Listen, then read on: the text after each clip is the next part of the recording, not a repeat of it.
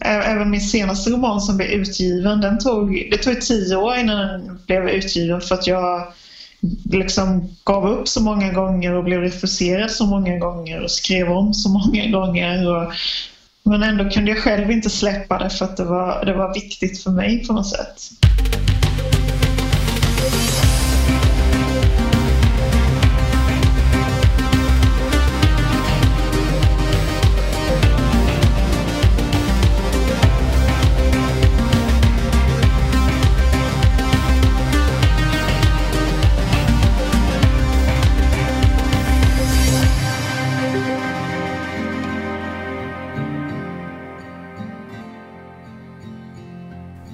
Hej och välkomna till Ismail Atarias podcast.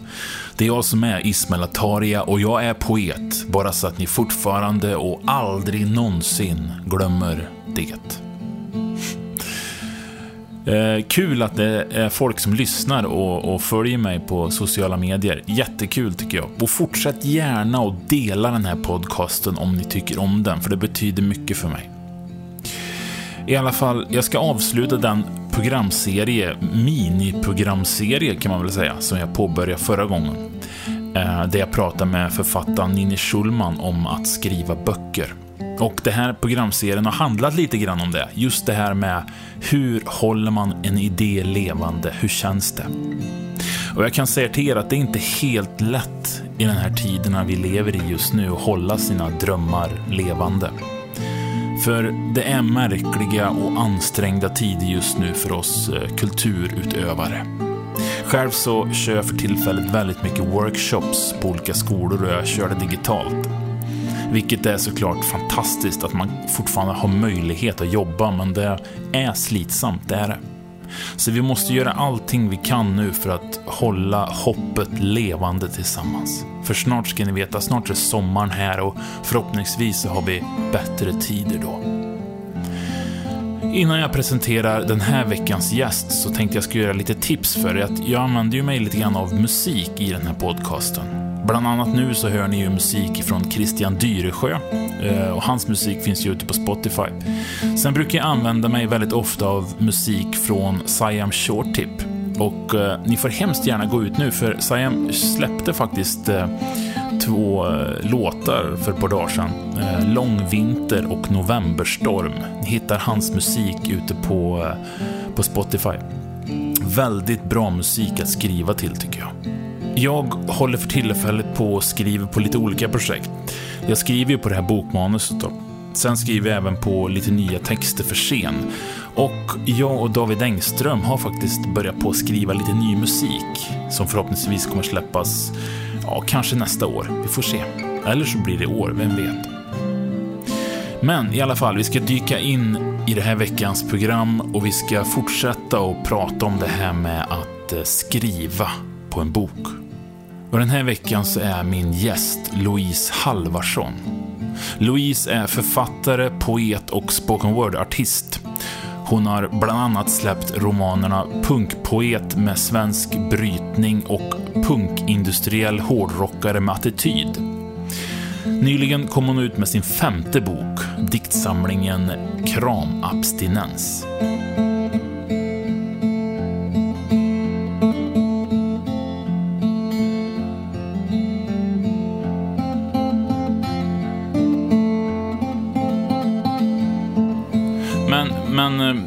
Ska vi börja någonstans då? Skriver du på någonting just nu? Eh, ja, det gör jag. Eh, tack, tack vare pandemin så har jag börjat att jobba med ett gammalt manus som utspelar sig i Thailand som jag påbörjade 2011. Oj. Hur känns det att väcka upp något sånt, sånt gammalt? Är det just på grund av pandemin som det, om, att du börjar på gräva i gamla gömmor eller har det liksom... Eh, ah, nej men alltså det, det, det är framförallt för att jag har haft eh, så mycket tid. Och eh, då har jag liksom så här bara, jaha, så har jag inte haft... Man får inte så mycket nya intryck och in, idéer och inspiration liksom när man mest är hemma och inte träffar så mycket folk. Så då liksom har jag, jag har ju känt liksom att åh, jag vill skriva en ny roman. Och så har jag inte fått, har jag inte haft några idéer. De flesta brukar ju bara ha, jag har idéer till fem romaner, men jag är inte sån utan jag måste, om jag ska skriva en roman så måste det vara liksom en idé som uppslukar mig. Och då tänkte jag att den här romanen som jag påbörjade 2011 att om jag påbörjade den så måste det ändå funnits någonting där som uppslukade mig. Och så började jag ja, lä läsa igenom det och liksom fick en ny ingång. Så nu är jag helt inne i det väldigt gamla manuset fast nu är det ett helt nytt manus. Ja. Mm. Men hur, hur, hur, känner du liksom när du, när, när idén, hur, hur, känner du, kan du beskriva idén, eller känslan av när idén kommer? Eller när du känner att du klickar i med en idé liksom? Nej men det, det, är en underbar känsla liksom att känna att jag har skapat en egen värld. För även, även om jag inte skriver fantasy eller sci-fi eller så, för då skapar man ju verkligen en helt annan värld. Men det är ändå så att jag, jag har ju en värld i mitt, det är en värld i mitt huvud. Även om jag utgår lite från verkligheten så är det ändå som att när jag när som helst kan tänka på den världen liksom. Och de karaktärerna som finns i den världen. Så det är lite som att jag har en film som pågår i mitt huvud. Mm. Är det en skillnad på, på romanskrivande och, och eftersom du beskriver både dikter och, och, romaner, är det en skillnad tycker du på, på de olika världarna liksom? Eller är det samma världen då, när du väl skriver en dikt eller en, en roman liksom? Ehm, det beror på om man jobbar med samma tema i en diktsamling. Som jag har eh, jobbat med en diktsamling om min mormor som inte är utgiven än och som jag ska bearbeta och sådär. Men det liknar lite romanvärlden för då är det fokuserat så här runt typ en karaktär eller en eh, relation och då blir det som en hel värld jag byggt upp kring mormor. Så det liknar ganska mycket romanskrivandet men det här med att skriva enskilda dikter som jag mestadels har gjort innan då är det mer så här eh, en känsla av att ah, men nu skriver jag av mig och nu tänker jag på det här och skriver ner det här och sen kan jag bearbeta det. Men det är, mer, det är väldigt så fragmentariskt, inte att gå in i en värld utan det är mer liksom små öar och, mm. av världar. Mm. Ja, det var bra beskrivet, precis så. För jag håller på själv nu med min första, liksom, jag har gjort ett försök förut, men nu känner jag verkligen att jag har fått upp flytet för själv för just det här att, att skriva en lång berättelse om en person. Så det är en fantastisk känsla alltså, som, som, som skiljer sig så markant från att skriva lösryckta dikter. Uh, just den här känslan av att man lär känna någon. Liksom. Och ju mer tiden går, ju mer man skriver på någonting, desto mer så framträder den här karaktären också. Desto mer lär man känna karaktären. Liksom. Det, ja. det, det är någonting nytt, tycker jag, att känna så. Ja, nej, men det, det, är väldigt härligt. Eh, just för att man, ja, men allting runt omkring, att man bara kan sätta sig och, och, och, skriva lite vad som helst. För man vet, men man vet vad det relaterar till. Man har det här temat liksom. Och då gör det ingenting om det blir så kallat dåligt eller så, bara man är... Att allting hör till, liksom. Att allting är en liten pusselbit på något sätt.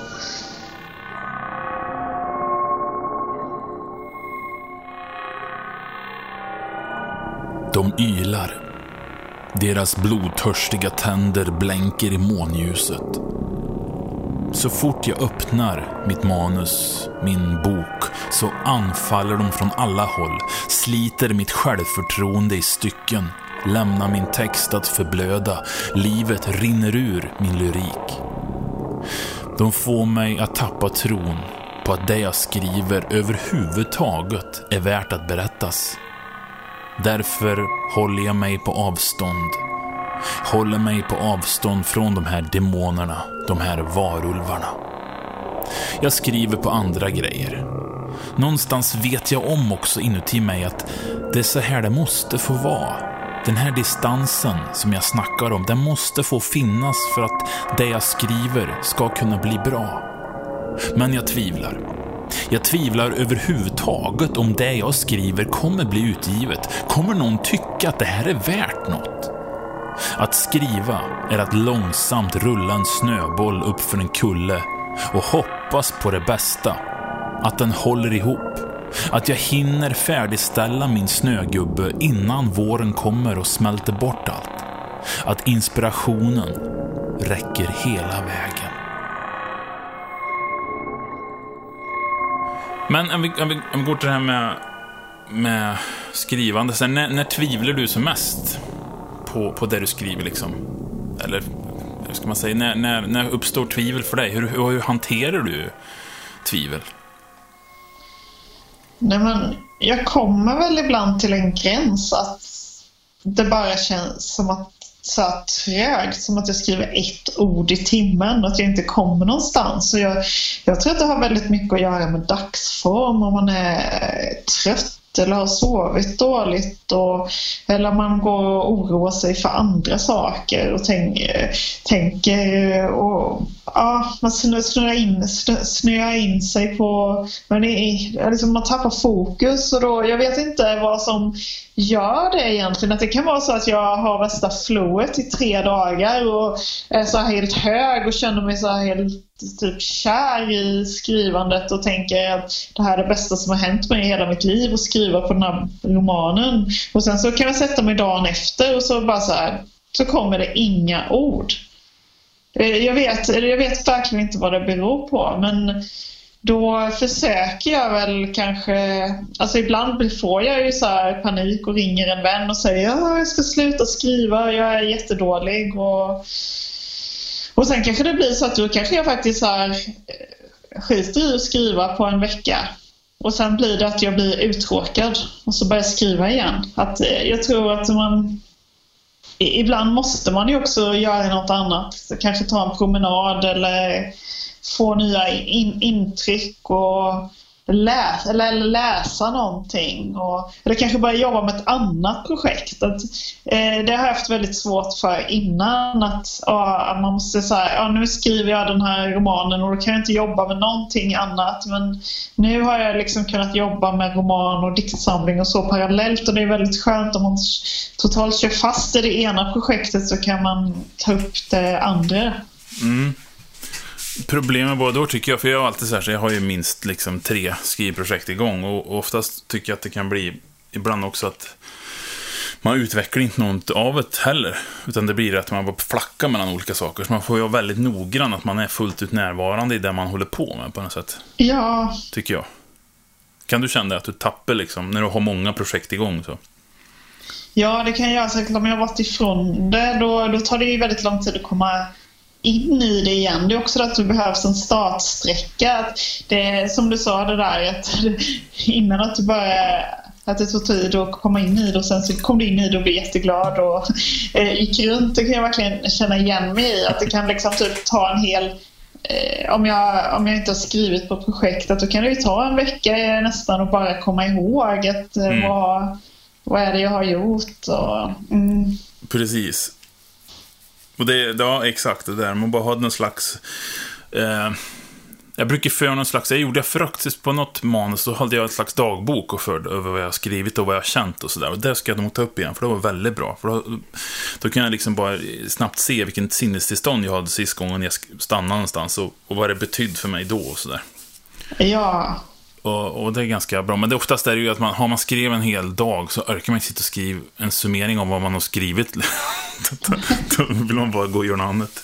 Ja, nej men det, det är nog väldigt bra. Som sagt, jag skriver ju vanlig dagbok. Både mm. morgon och kväll. Ja. Och då, då är det ju oundvikligt att, att skrivandet kommer in i den också. Så att jag tittar ofta tillbaka i mina dagböcker men då är det ju uppblandat med så mycket annat. Så det här att ha en specifik skrivdagbok tror jag är en bra idé. Ja. Hur håller du liksom när du är inne i ett manus och arbetar med det sådär, hur håller du glöden vid liv? Liksom, intresset för, för dig själv i ett så? För det är ju ändå ganska mycket tid. Det finns ju ingen annan konstform, ja, det är klart det finns det, men alltså, det finns inte så många som, där det är så mycket, författargrejen är ju, det bygger ju på tid liksom. Det tar ju mycket tid. Mm. Hur, hur orkar du hålla ihop, liksom, hålla den här glöden för att vara i den här världen som du har skapat, liksom, intressant? Nej, men det, det är nog det att när man väl eh har kommit en bit i alla fall, har en har ett första utkast eller har ett första skelett, att då, då, blir det, då blir det faktiskt viktigt att öppna den här dörren. Att, att få några andra ögon på texten och ha folk man litar på som kan läsa och ge lite respons. För då får man ju ändå nytt liv i den. För då tänker man, jaha, det här har jag inte tänkt på. Och så får man lite input och kan börja skriva lite mer. Så, men det är just att hitta det där gränsen att inte släppa in folk för tidigt eller när man är för sårbar. Men sen mm, är det nödvändigt. Ja, för är det för tidigt? Jag brukar säga att idéer är som rådjur i skogen. Liksom. Du kan inte bara klampa fram, liksom, för då, då skrämmer du dem direkt. Liksom. Och så kan det vara ibland. Ibland så kan jag berätta för min sambo liksom, en idé så som jag så här, någonting som jag tycker är så jävla bra. Så jag, kan, jag, jag, vet också nu måste du hålla käft, du får inte berätta för någon om den här idén, för det är för tidigt än. Men så ibland så bara berättar jag någonting och så känner jag själv att nej, det där var ju inget bra. Jag kände liksom att det blev så futtigt förklarat för vad det fanns, för den, hur idén, stor idén var inuti mig. Men när jag fick ut den genom min mun så kände jag att nej, men det här var ju inget bra. Det kanske är, men det kanske är fortfarande bra, så att det är nog bra tycker jag. Prata inte för mycket om din idé för tidigt liksom, eller, eller visa inte för tidigt. Det är nog väldigt viktigt alltså. Alltså jag hade ju en sån riktig, jag har en kompis som jag brukar visa för också, så hon är utbildad så litteraturvetare och har gått någon jättestor utbildning nu och sådär. Så hon är ju jättebra, men hon är stenhård. Eh, sådär. Så hon var verkligen på mig liksom med, med att... Jag, jag trodde ju att det här är det bästa som jag gjort. För det var ju två år sedan ungefär. Och då skulle jag visa och då var liksom totalt sågat i princip från henne. Sådär. och det var jättenyttigt. Det är, det är ju sånt jag behöver oftast. Oftast ja. behöver jag någon som är stenhård istället. Ja. Det är ja, men, det... men just där och då är det inte så jävla roligt. Det är inte. Nej. För det kan ju också göra att man, om man får väldigt hård respons att man tappar sugen. Och sen, men sen ofta, för mig, ofta är det för mig efter typ två månader så kommer jag ju på att de har rätt. Att det... det är ju det. Alltså, skriver du bara för dig själv och ingen tanke på publik, då, då kvittar det ju såklart. Mm. Om man stannar vid den där första, liksom, att det bara skriver för mig själv, då, det, då, får du göra precis som du vill och då, då har ju alla andra fel såklart. Mm. Och jag tror att man ska tänka så i början när man börjar på att skriva också. Man ska ha den här överjordiska inspirationen av att det, det här är liksom, det här kommer jag få Augustpris för, liksom, för det här är fantastiskt. Den måste finnas där, tror jag. Så. Och sen, sen, kan du ta in, sen kan du ta in den här ödmjukheten och sånt. Det kommer sen, liksom. Men i början så, så måste det finnas någon sån där, uh, skit ner jag är bäst, liksom tror jag. Och jag har väldigt roligt i alla fall när jag skriver det här.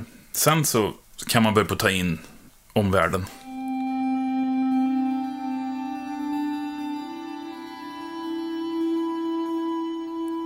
En dag, under en obevakad sekund, så råkar jag öppna mitt manus, bara av farten.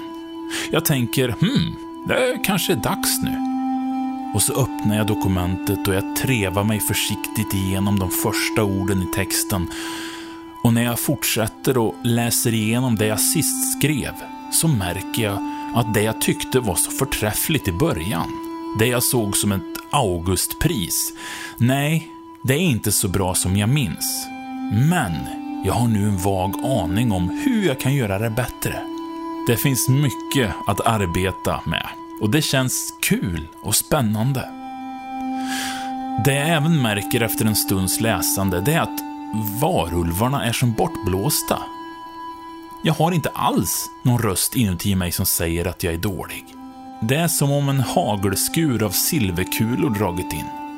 Kanske har jag fått tillräckligt med avstånd för att skriva igen. Kanske kan jag plocka upp tråden och fortsätta min bok. Nästa dag går jag upp som vanligt. Jag går upp väldigt tidigt.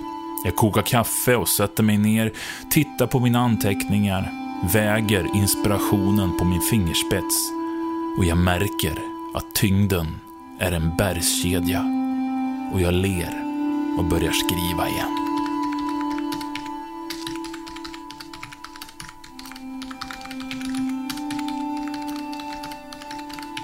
Men när du börjar på att skriva, har du tankar på att någon ska läsa det eller bara skriver du för dig själv? Liksom? Hur fungerar det för dig? Mm, eh, så nu eh, är jag bara inne i att skriva för mig själv. Eh, även om jag jag vet ju att jag kommer vilja skicka det här till ett förlag men det kanske jag vill om tre år eller fem år. Alltså jag känner ingen sån stress och om det inte blir något så blir jag inte ledsen heller. Och jag har nog inte riktigt känt så innan. Innan har jag känt mycket mer press liksom. Men mm. Eh, nu tillämpar jag lite det här som Stephen King säger att man ska skriva sitt första utkast med stängd dörr. Och det tycker jag är väldigt bra. Ja. Ja, jag läste också, också tänker jag skrattar för jag tänker alltid på det själv också. Mm. Att, att, och jag tror att det måste få vara så, i min värld i alla fall, att det första måste skrivas för mig själv på något sätt. Alltså att det är jag som är, läsaren, liksom, att det är jag som ska ja, upp, gör mig själv upprymd, glad eller ledsen eller liksom ger mig själv de här känslorna på något sätt. Sen får man se. Nästa, eh, så brukar det för mig, att andra utkastet, då brukar jag börja på att få någon annan slags syn. Liksom. Men nu ska andra läsa det här också. Kommer andra ha samma upplevelse?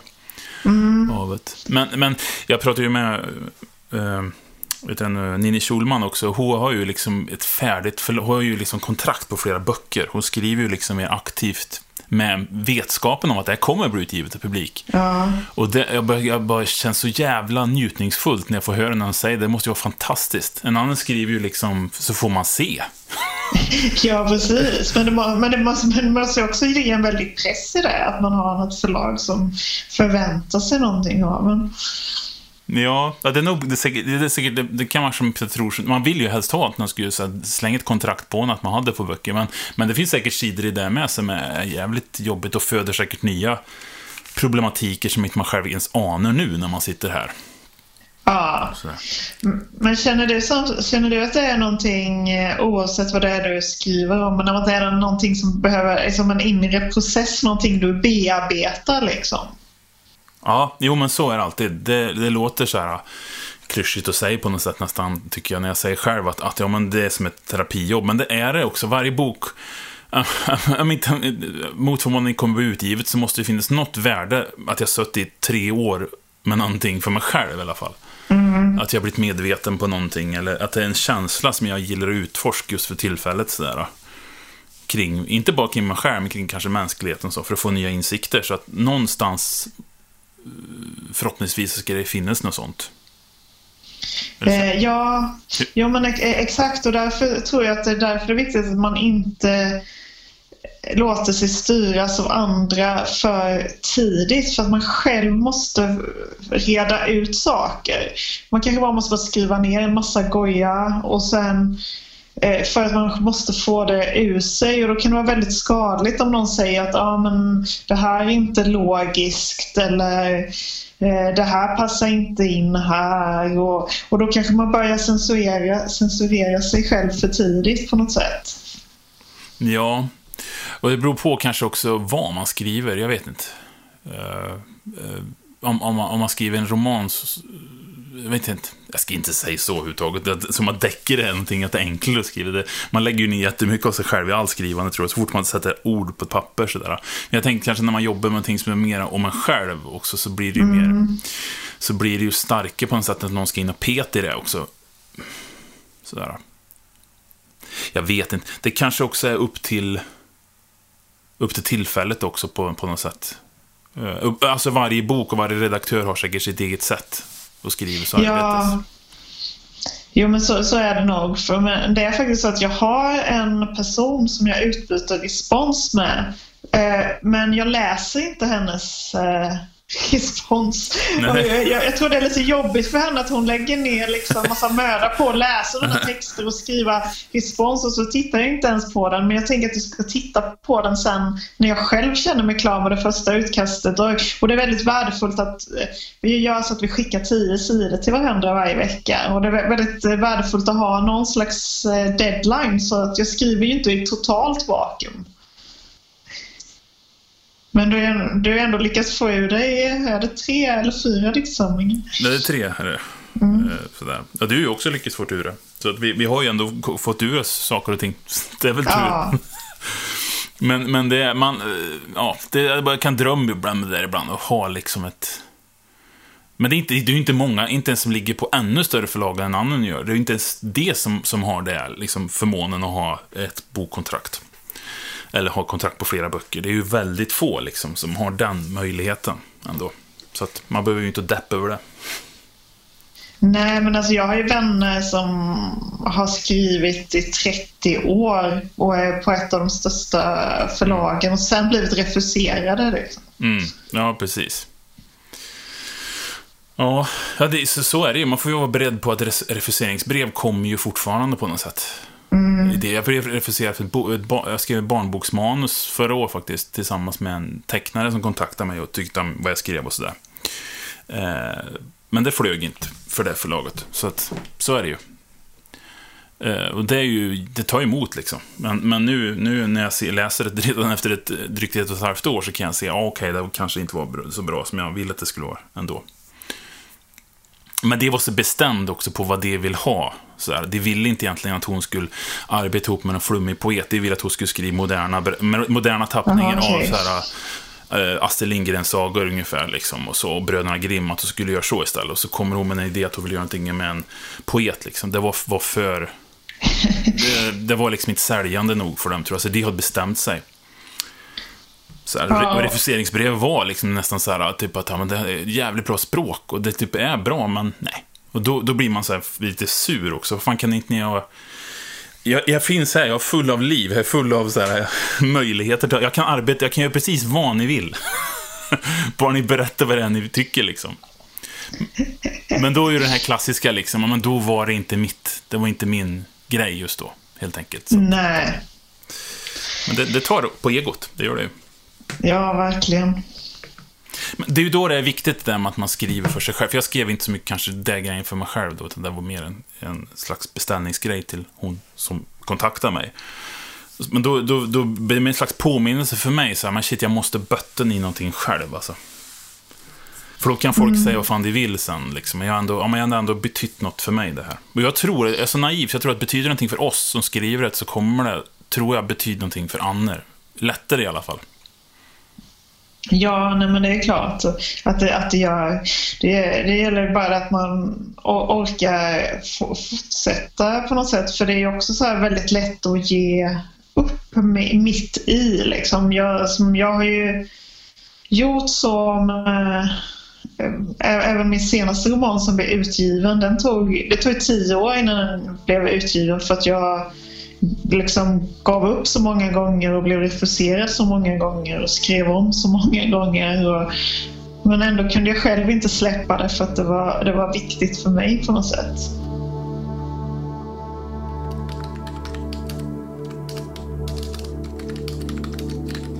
Oh, jag, jag älskar återigen min historia. Jag finner den värd att berättas. Det har säkert skrivits ännu bättre grejer i historien, men just den här historien har inte berättats. Inte på det här sättet och inte av mig. Jag skriver med nytt friskt mod, skriver med öppen dörr. Kanske lite mer ödmjukt och sakligt och nyktert än tidigare. Jag har fått feedback från några vänner. Eh, några säger att det är vin och någon kallar det vatten. Men jag tror ju att jag fått tillräckligt med insikt för att ro det här projektet i land, hoppas jag. Tvivlet är inte längre en hungrig varulv, utan mer en, ja, rabiesmittad eh, pudel. Inte lika farlig, men jag måste hålla den på avstånd. Och just nu så slumrar den vid mina fötter. Helt ovetandes att jag går igenom texten och stryker värdeord. Jag döljer texten lite i kanterna. Lägger det halvt dolda i det fullt synliga.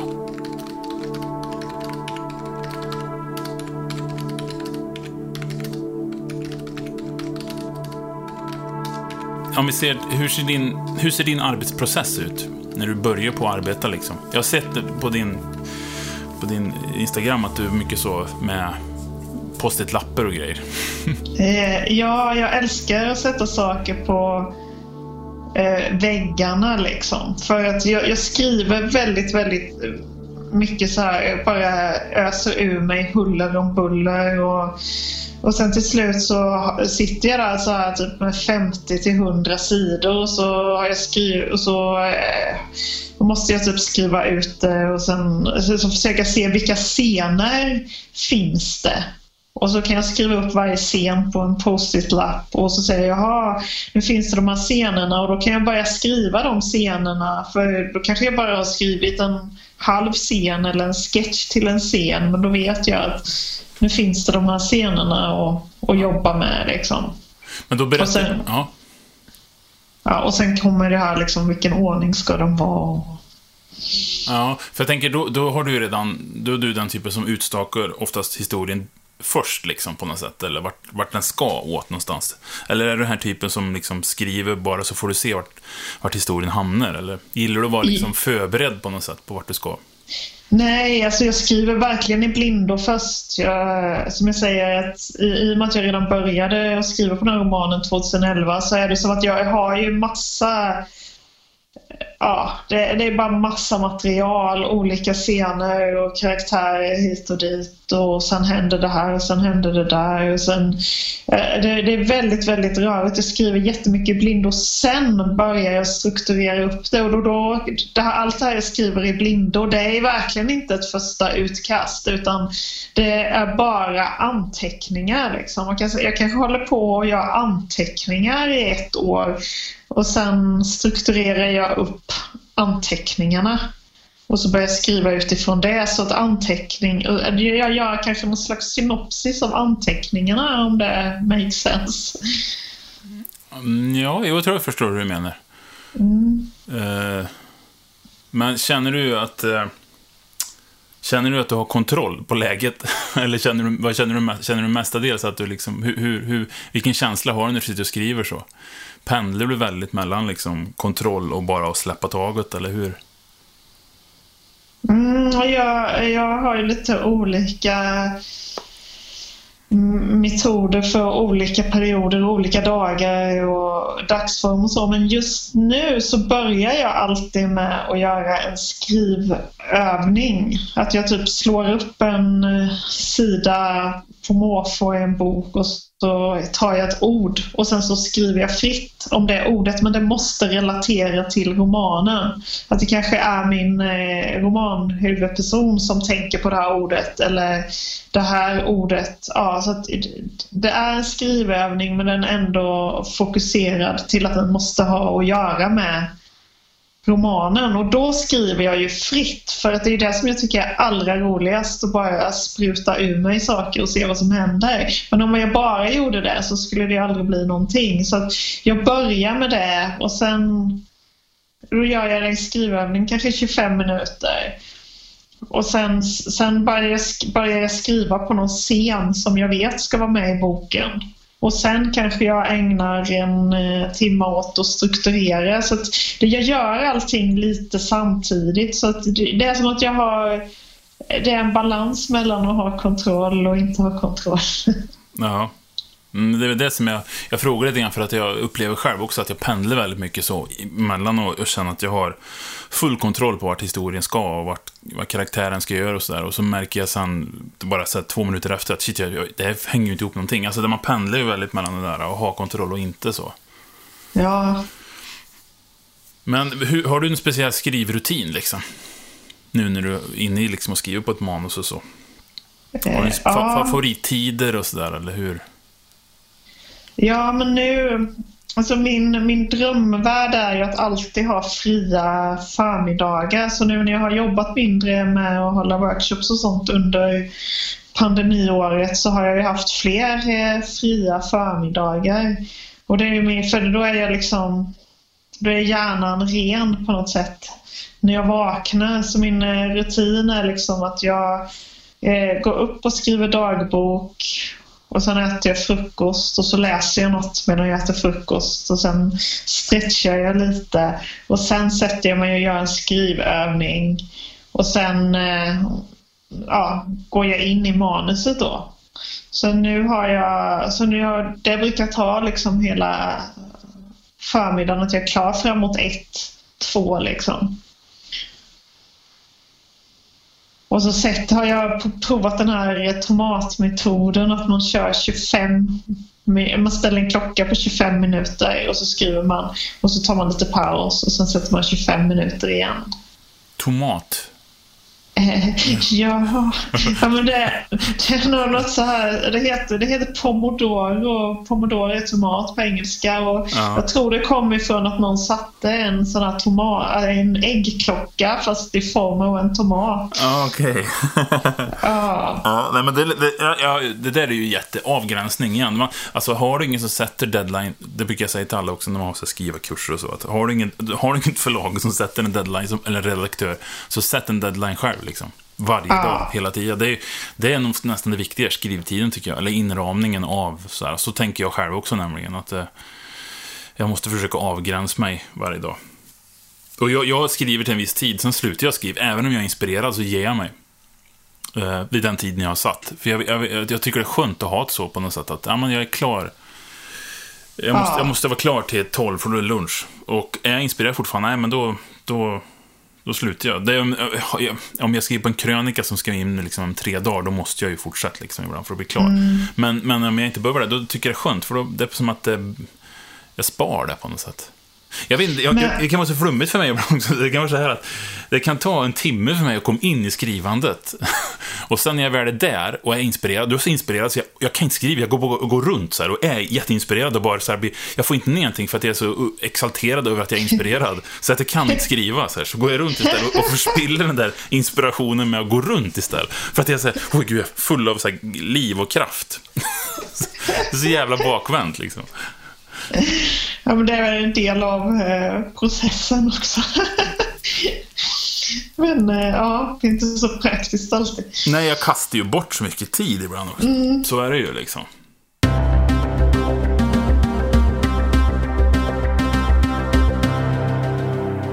Men när, när känner du, det, det är liksom den gyllene frågan för mig, så här, när känner du att en bok är klar? Uh, oj. Nej, eller manuset, liksom, nu, nu är det färdigt. Alltså inte bara första utkastet utan liksom hela... Ja, det är ju olika stadier såklart dit, men när, när känner ja. du liksom att... Eh... Om vi börjar så, när är det första utkastet klart då? Nej men det är nog när jag känner att nu har jag en, en början och en mitt och ett slut och det hänger ihop. Sen kanske det kommer att bli ett helt annat slut eller att jag kommer börja med slutet men i alla fall att det finns material liksom. Att, eh, och, det, och att det hänger ihop på något sätt. Att det är tillräckligt många sidor också. Att det kanske i alla fall är en 100-200 sidor. Så det, att det finns något omfång liksom, att man känner att det här är någonting. Och sen eh, och sen kommer ju liksom typ nästa steg att man ska utveckla både karaktärerna och, och berättelsen. Och sen kommer väl en runda till att man ska fokusera på vad handlar det här om egentligen och bli tydligare i sitt tema. Och, och sen kommer ju allt det där, alltså jag är inte något fan av att sitta och pilla med kommatecken eller kolla om man, om man har upprepat ett visst ord många gånger. Det tycker jag är jättetråkigt men det är väl då jag känner att jag är klar. När jag har kommit till det stadiet att jag börjar tänka att oj vad ofta jag använder ordet kanske liksom. Mm. Då, då, men då känner du att du lämnar det då? Alltså då är du färdig på något sätt? Ja, då är jag klar. Ja. Så du, du bryr dig inte om liksom nästan korrekturläsa själv heller, utan du tänker att, hur tänker du då liksom? Du tänker inte att du vill vara minus... Jag, jag är så här, jag vill, vara min, jag vill nästan korrekturläsa det själv, så att när jag når någon som eventuellt ska ge ut det så ska det vara så klart, så att jag nästan bara känner wow, det här är... Jag behöver inte ha koll det här. ja, ja nej men precis. Jag skulle ju inte skicka det för, till förlag i det. Så då, då sitter jag ju och putsar. Alltså, även om jag tycker det är tråkigt så sitter jag ju och putsar ja, på, mm. på språket och så. Men det, du, du ser inte som att det ingår i själva manusarbetet? Nej, liksom? nej, nej. nej. nej. Ja, det gör det inte faktiskt egentligen. Jag, jag blandar ihop det där så att jag, jag, tycker att det är en del av... Så, för ibland kan det hända sådär att när jag börjar på att redigera sånt, när jag tycker att nu är jag färdig, då kan det bli mm. att jag ser också att texten inte håller. Då kan jag bli att jag går tillbaka och skriver om saker igen också. Ja, för jag tänker mer med, med poesi eftersom det ja, är... Det är då, då tycker jag att det är viktigare att mm. hålla på och, och pilla med enskilda... Det, alltså då kan ju ett ord kan ju ändra en hel dikt liksom. Ja. Medan det är inte lika finkänsligt i en roman. Nej, jag har ju inte skrivit på det sättet i romaner, så jag förstår när du säger det nu att det är ju det som är skillnaden kanske. Det lämnar man ifrån sig att kanske vetskap om att det språkligt inte precis utgivningsklart, men berättelsen förhoppningsvis ska hypnotisera den som läser det, så att de ser bortom det liksom på något sätt. Ja. Mm. Men om vi ska börja på avslut vad tycker du, om du skulle, skulle ge ett tips från en författare till, en, till någon som, som sitter och skriver på sitt manus och, och, och har de här, sliter med de här ledan över att skriva, vad är dina bästa tips liksom? För att, för att hålla en historia levande för sig själv? Nej men det är nog att man har någon slags struktur som vi har pratat om. Att man sätter sig och skriver även om det känns lite tråkigt. Att man bestämmer en, en tid eller ett visst antal sidor man ska skriva varje dag och så får man tillåta sig själv att verkligen tillåta sig själv att skriva dåligt för det kan ju faktiskt vara väldigt roligt att skriva dåligt också. Om man bara tillåter sig själv att freaka ut totalt liksom att man skriver lite som en skoluppsats. Sen hände det här och sen hände det där och den här personen slog till den här personen i huvudet och att man skriver verkligen bara alltså dåligt så att det blir roligt och sen så kan det ju finnas någon ja, så kan man ju hitta någonting i det som ändå var bra som kom ut bara för att man tillät sig och att bara släppa taget. Mm. Ja, det är ju mycket så. Det med att släppa taget, det är ju, det är ju ständigt ett problem tycker jag. Mm. jag är väldigt uptight många gånger när jag skriver liksom, och det blir så himla, det kan ju bli för viktigt för en själv också på något sätt, det man håller på med. Mm. Och det är ju inte så viktigt egentligen som att, som att, man, ska, som att man ska tortera sig med sådana tankar man gör ibland liksom, kring det. Utan släpp taget och bara... För oftast är det det texter ibland som blir de bästa, de som har leks fram tycker jag. Ja. Jag, kan, jag kunde sitta och skriva så här i två månader på en dikt. Och sen så är jag iväg på en liten någon slags, ja, med kompisar någonstans och gör en skrivarövning på skoj. Så där. Och så skriver jag mm. någonting som är mycket bättre än det jag arbetar på i två månader. Så, eller ibland ja. jag, jag gör improvisationer i skolor ibland för skolelever när jag har dem i workshopen. Och då, det grejer blir ibland bättre. Det var en som sa det till och med, till och med så här, när jag gjorde en improvisation, jag brukar göra det, får ge mig ord och så improviserar jag på dem. Och så var det någon som sa att det där lät bättre än det du läste för oss först. Ja. Men, men, samtidigt skulle du nog inte komma fram till den här improvisationen om du inte hade en massa arbete bakom dig. Liksom. Så. Mm, nej, så kan det ju också vara faktiskt. Ja, nej, men släppa taget sen så också eh, läsa. Alltså om jag kör fast så brukar jag jag bara tar någon bok i min bokhylla och läser och ett kapitel eller en sida bara i någon annan bok eller läser en dikt. Och, och det, liksom, är också så att man kan inte gilla allting man läser och det, det tycker jag är bra. Att inspireras ju nästan mer av det jag inte gillar för då tänker jag att ja, men det här kan jag göra bättre eller utveckla. Och, ja.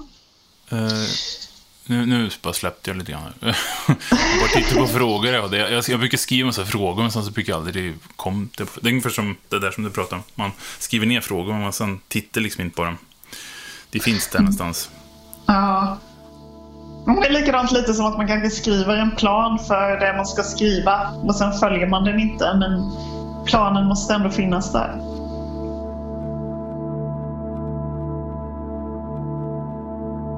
Jag är färdig. Det är fullbordat, om vi ska använda bibliska termer. Texten ligger klar. Manuset är förseglat och färdigt. Historien berättad. I alla fall för mig själv. Jag kan inte ta mig längre. Jag har skrivit, fått feedback, skrivit igen, fått feedback, skrivit eh, 8-9 versioner och hackat bort 30%, kollat igenom igen och ja, jag är nöjd och jag inser att jag inte kan ta mig så mycket längre själv. För det är dags för min historia att möta världen och lämnas bort. Texten har sparkat mig ur boet, som Tranströmer skrev. Det får gå som det går nu, det är upp till andra. Jag kan faktiskt inte göra mer än det jag gjort och det är den stoltheten jag måste vila. Mitt självförtroende går hand i hand med min ödmjukhet. Jag är stolt över min resa. Att jag vågar skriva så här och hänga ut mig själv gång på gång. Att jag vågar blåsa vind i seglet. Jag lärde mig som vanligt en hel del på den här resan. Nästa seglats kommer kanske bli på ett annorlunda sätt, kanske mer effektivt. Att skriva, det är att lära sig hur en ska skriva bättre nästa gång. Men troligtvis inte. Jag kommer göra exakt samma misstag igen. Jag kommer misslyckas tusen gånger om. Det kommer bli fel. Och vet ni vad? Det är helt okej. Okay. Nu ska jag låta manuset flyga ut i världen. Hålla tummarna och hoppas på det bästa. Mer kan jag inte göra.